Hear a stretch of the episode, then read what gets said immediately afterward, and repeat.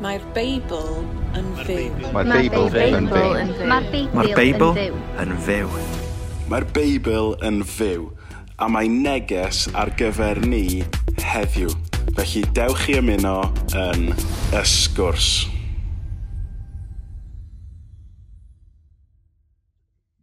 O, dyn ni'n cael air fan hyn, Jos. Bydd rhaid ni gael hywel ar yn amlach. O, ti'n gwybod be? Roedd e- e enghraifft arall i chi. Um, yeah. Dwi'n chi am Joseph. Ha, Joseph. um, mae ddech am tywydd bywyd Joseph, a mi ath o i ffasiwn helynt ac i ffasiwn drwbl yn do.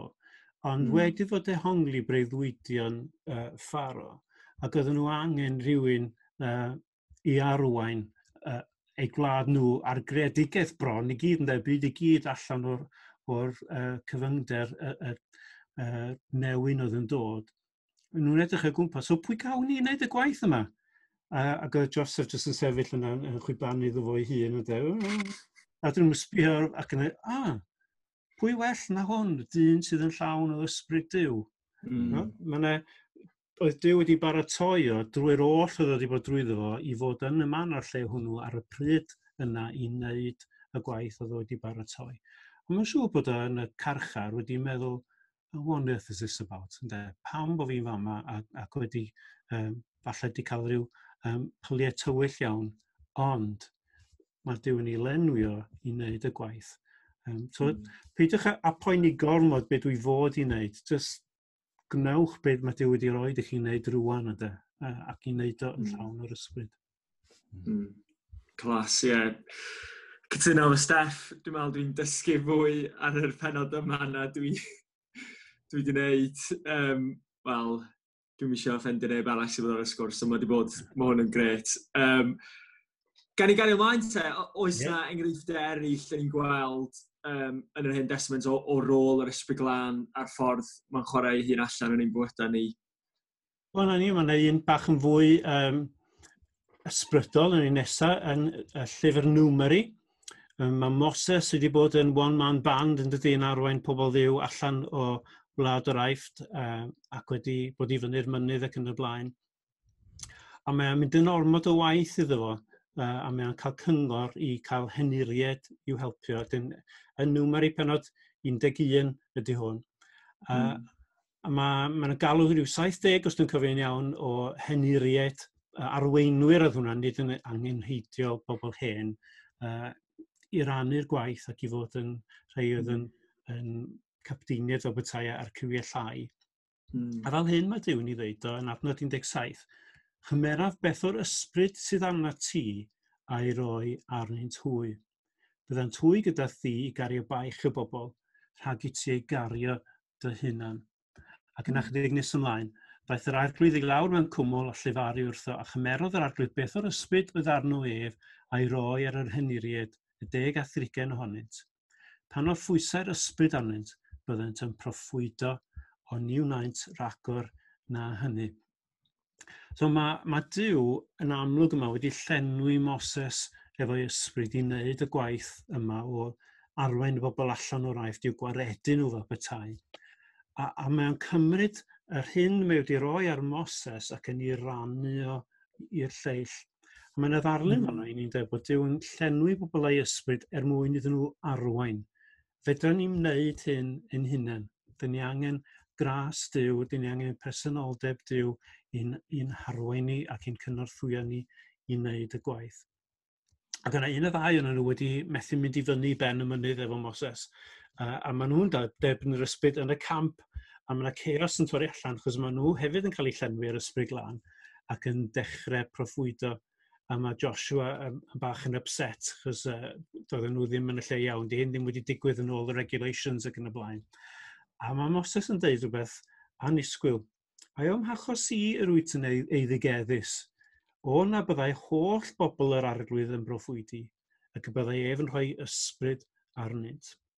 A adnod 29 ydy hwnnw. A dyn ni'n gweld yn fanna bod Dyw yn rhoi gweddi ar wefus Moses sy'n cael ei lenwi ar syl y Pentecost ynddo, uh, bod yr ysbryd yn dod ar bob cnawd um, a bod Dyw yn rhannu'r ysbryd yn hytrach na bod ar unigolion penodol, da ni'n gweld bod yna dywalliau llawnach yn yr ysbryd glân. Yn mm-hmm. amlwg yma mae rwach ysbryd Dyw, anadl Dyw sydd arnyn nhw, uh, a mae'n cael ei rannu. A ni'n gweld uh, cyflawniaeth yn ei ddalle hefyd yn effesiad ar bedwerydd benod lle mae yna sôn am amrywiol doniau am gwaith yr hmm. ysbryd mm. ydyn nhw'n de, sôn am apostolion a, a proffwydi ac yn y blaen. Mm. Mm. ni gwaith yr ysbryd yn cynorthwyo ni arwain ac i broffwydo. Mm. Ydych chi feddwl am unigolion yn y Hen Testament gafodd ei llenwi efo'r ysbryd glân? Instincts. Um, dwi'n meddwl amdan Daniel, fatha instinct. Uh -huh. um, Ezekiel. Yeah. Um, Dafydd. Yeah. Heina, heina, heina, just... O, oh, ah, Solomon hefyd. Ie, yeah, Solomon. Na ni fynd. Steph, help me out. Wel, Jos, yn anffodus, dwi efo dogfen hywel o flaen fi fan hyn. Oh, jeez! so dwi'n gweld pobl fel Gideon wedi gwisgo ar ysbryd. Pa'n y dweud, nes i e-, enwi neb oedd ar y dogfen. Na, nes, nes ti ddim, da iawn. Wel, oh. well, mae ma tymor cricket wedi cael ei canslo, dydy. Nes i roi uh, e, bowlio under arm i ti fan y Jos, a nes ti fethu o. Nes. Mae hwnna'n disgrifiad gret o beth sy'n ei wedi digwydd. Yeah. Mae'n ma wir dydy bod maen nhw wedi, uh, ond mae'n enghreifftiau yma dwi wedi pigo allan, jyst wrth mynd o'r tu blaen y hen testament drwyodd. Meddwlwch chi am Gideon, uh, mae'r stori yn, yn, yn, yn ffantastig o stori, uh, ond rhaid ddim i mewn iddo fo, ond mae'r darlun yma yn hyfryd bod uh, yn penod chwech o llyfr o barnwyr Judges, adnod 34, disgynodd ysbryd yr arglwydd a Gideon – chwythodd yn Liwted Itgon a galw ar yr Abi Ezraig i'w ddilyn. Cyfeithiad bach yn sal di hwnnw, disgynnodd uh, ydy'n yma um, rhithro na, a stori arall di hwnnw, Samson di hwnna, yn gydeon mm. Mm-hmm. gwisgo, dyna fo, dyna fo, gwisgo ar ysbryd. Di hwnna atgoffa chi stori arall yn y Testament Newydd? Sôn am cael ein gwisgo ar ysbryd? Dyna mae Iesu'n dweud wrth y disgyblion, ie, yeah, dwi'n gwybod o'n Saesneg yn amffodus, you'll be clothed with power. Mm. Arhoswch yma yn y ddinas nes i'r ysbryd glân ddod i lawr a'ch gwisgo chi gyda nerth. Mae hwnna'n rhyw ddarlun o uh, ffilmiau superheroes yn dydy.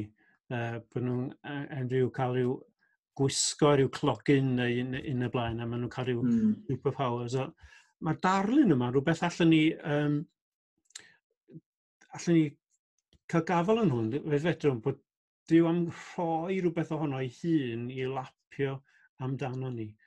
Disgynnodd ysbryd yr arglwydd ar Gideon, gwisgodd uh, yr arglwydd uh, Gideon a'i ysbryd. Dyna, dyna llythrenol mewn i ddweud. Felly mae, mae rhywach anadl diw yn amgylchynu Gideon. A dwi'n licio syniad yna. A mae Iesu mm. wedyn dweud yn lyg pen o 24, neu arhoswch wythau yn y ddinas, nes eich gwisgo chwi o ddiechod a nerth. Um, Hwna'n ffantastig o ddarlun hmm. yn dydy. Mm. Yeah. Mae'n dweud yn y Saesneg, but the Spirit of the Lord clothed Gideon. Mae mm. chi dweud Gideon pan chi siarad Saesneg. Gideon. Gideon. Gideon. Gideon. Gideon. Gideon. Gideon. Gideon. Gideon. Gideon. Uh, um, Samson nes ti, nes ti sôn amdano fo. A, a fa yma, mae hwnna'n stori, mae Samson yn gymeriad odd yn dydi. Oh, um, nuts. A chi'n meddwl, pam yn y byd bod Samson yn cael lle yn y Beibl?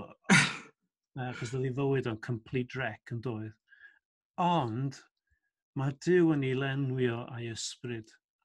A, a dwi'n licio ffordd mae, mae disgrifiad ohono fo. Um, dwi'n dwi wedi nodi'r pa benod ydy o'n penod chwech, dwi'n meddwl, na, 15-17. Mae'n mm. mae'n brwydr yn erbyn y ffilistiad, a dyma ysbryd yr arglwydd yn dod arno'n rymus, rhithro, rushed. Mm. A, a, a mae hwnna'n darlun, dydy, mae'n torri y rhaffau, oedden ni rwymo fel beta'n nhw'n frethyn oedd wedi llosgi. Lle mae'r ysbryd yn rhithro ar uh, Samson i wneud ei waith lle oedd o angen nerth. Mm. Da chi'n chi feddwl am esiampl arall lle mae'r ysbryd yn rhithro? Wel, oce, okay.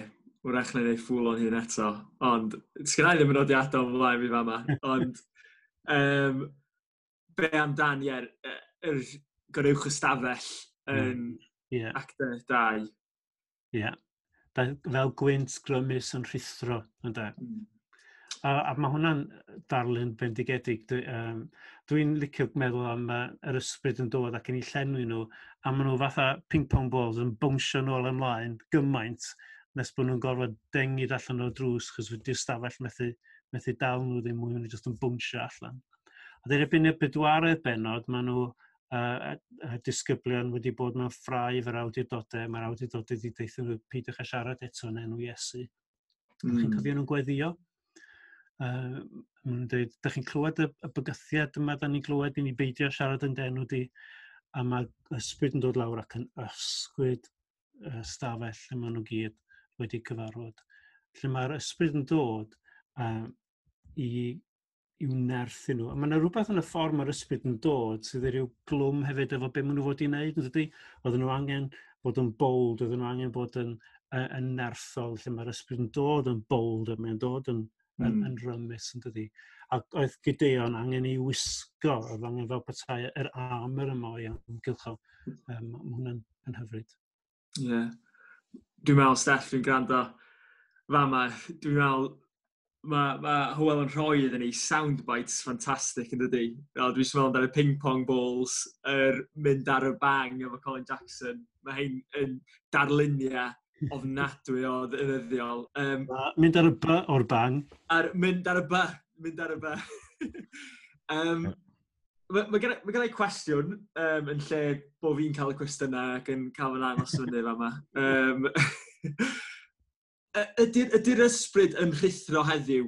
Um, achos dwi'n meddwl mae hwn yn, yn frwydr yn aml iawn dibynnol ar cefndir ni yn yr eglwys, lle da ni, ie, yeah, yn, yn amlwg yn credu bod ysbryd Dyw pan da ni'n galw ar ar Iesu'n arglwydd ar ein bwyta ni, mae hynna dim ond yn bosib oherwydd bod yr ysbryd di dod fewn i'n bywyd ni a di hyn o rhoi y gallu ni alw ar Iesu fel arglwydd, fel achubwr. So bod y syniad yma bod, bod yr ysbryd yn byw yn omni, ond wedyn oes yna dal fel adega a, a'r resymau i weddio ac i ddisgwyl i'r ysbrydal fod yn, yn rhuthro ddi fewn yn ni. Di hwnna'n ei synwyr? Yndi, ydy. Steff, sgyn ti ateb? um, yr ateb fi ydi eilio'r cwestiwn, really, achos dwi'n gwybod just dros yr wythnos y diwethaf mae'r dyhead yna wedi bod yn codi yna fi i weld yr ysbryd yn, yn yn rhoi nerth i ni fyw fel Cresnogion ac yn rhoi nerth i'r eglwys i weithredu ac um, so, bod ni yn gweld mwy o'r ysbryd glân ar waith yno ni a trwyddyn ni. Um, ac ie, falle, y meddwl falle dyn ni'n disgwyl cynlleied gan yr hmm. ysbryd mm. nerthol yma dyn ni'n gweld yn y Beibl. Fel, fel hyn dwi'n ei gweld ti, gan bod gwaith yr ysbryd wedi mynd yn beth diarth i ni, heblaw am pobl yn dod i ffydd. Ac eto, da ni dal yn, da ni ddim yn siŵr iawn am, am hynny. Da ni ddim yn siŵr, ydy, ydy hwn wedi dod i ffydd go iawn neu ddim, a da ni ddim yn siŵr ydy o'n uh, adeg i arwain y person yma i ffydd, neu ddylwn ni ddisgwyl. Da ni'n ansicr hyd yn oed am hynny. Os ni'n dod yn ôl at y stori ni eisiau rannu ar y cychwyn, dy, mae fel petai ni ddim yn adnabod gwynto yr ysbryd. Mm. Chi'n dall beth gennau, dyn ni ddim yn nabod gwaith a ffordd yr ysbryd yn ein plith ni. A, a dyn ni'n, um, fel oedd Isaac bach yn amheus o Jacob, dyn ni'n amheus o waith Dyw yn ein plith ni, a mynd bod ni ddim yn ei nabod o. Mm. Sa chi'n mynd yn ôl uh, cyn dechrau ganrif diwetha, oedd y Cymru Cymraeg yn nabod gwaith yr ysbryd. Medden nhw'n clywed y sent ac oedden nhw'n medru dilyn y, y trywydd ac oedden nhw'n medru adnabod yr arwyddion. A mae Iesu'n dweud i ni wrth, wrth Nicodemus, yn dweud, da chi'n nabod yr arwyddion um, am y gwynt yn chwythu'n y coed. Ond da ni ddim yn nabod ffyrdd yr ysbryd heddiw oherwydd bod gennym ni ofn gwneud pethau wrong mae hmm. gennym ni ofn i bethau mynd dros ben llestri. Neu hmm. mae gennym ni ofn, a, a hwn cymeriad trist iawn yn hyn y testament, ydy Saul, y brenin o flaen Dafydd. Un oedd yn cychwyn yn dda, ond dyma fo'n colli ffordd. Um, yn cyntaf Samuel 16-14, um, pan mae Saul wedi bod yn, yn falch ac wedi bod yn anifydd i orchymyn Dyw ac wedi gwneud rhywbeth ar ei liwt ei hun, mae o'n tristau ysbryd Dyw. Mm. Uh, a mae adnod 14 yn dweud ddylun ciliodd ysbryd yr arglwydd o ddiwrth Saul. Mm. Uh, a dwi'n meddwl bod yna rhyw gynnon ni gymaint o ofn o be mae Paul yn alw'n tristau yr ysbryd yn Effesiad 4 adnod 30, bron bod ni yn dal yn ôl gymaint, achos da ni ddim eisiau tristau, da ni eisiau um, grif the Holy Spirit, mm. bod ni yn bod yn pasif ofnadwy, uh, yeah. a mae wedi mynd yn ddiarth, a da ni ddim yn nabod i waith yn ein plith ni. Mm. So, dyma dwi eisiau awgrymu ydy bod, bod ni'n mynd i'r straeon mewn yr Hen Testament ac yn abod y ffeirio'r diwedd waith yn fanno a mm. gweld wedyn y llawnder sydd yn y newydd A wedyn, gymryd sydd yna o anogaeth i ni gael ein llenwi yn barhaus droeon a thro. Mi eisiau mynd i, i ceisio dadle ydyn ni cael un bedydd ysbryd ar ôl cael ein, um, ein hachub y gynfa. Nid dyna sydd yma. Mae, mae Paul yn dweud llanwer chwi ar ysbryd glân. Mae hwnna'n broses parhaus. Um, da ni, fel, fel da ni'n anadlu, da, mae yna anadlu mynd allan a, a gwyn sy'n dod i mewn. Wel, rhyw broses felly wedi cael ei llenwi yn barhaus ar hmm. ysbryd. Um, ac wrth i ni ddod i nabod Dyw yn mwy, da ni'n nabod llwybrau'r ysbryd yn, yn ein blith ni. Mm. Dwi'n siŵr bod yr ofn yn, yn mynd i gilio. Hmm.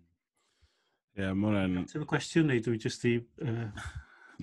Na, yn sicr, mae hwnna'n help mawr. Dwi'n meddwl, un o'r adnodau sydd wedi bod ar anghalon ni ydy pan mae Paul yn mynd i Ephesus yn acte, gofyn os maen nhw wedi derbyn yr ysbryd glân, a maen nhw'n ymateb, wel, o'n i ddim yn gwybod bod yr ysbryd glân yn bodoli.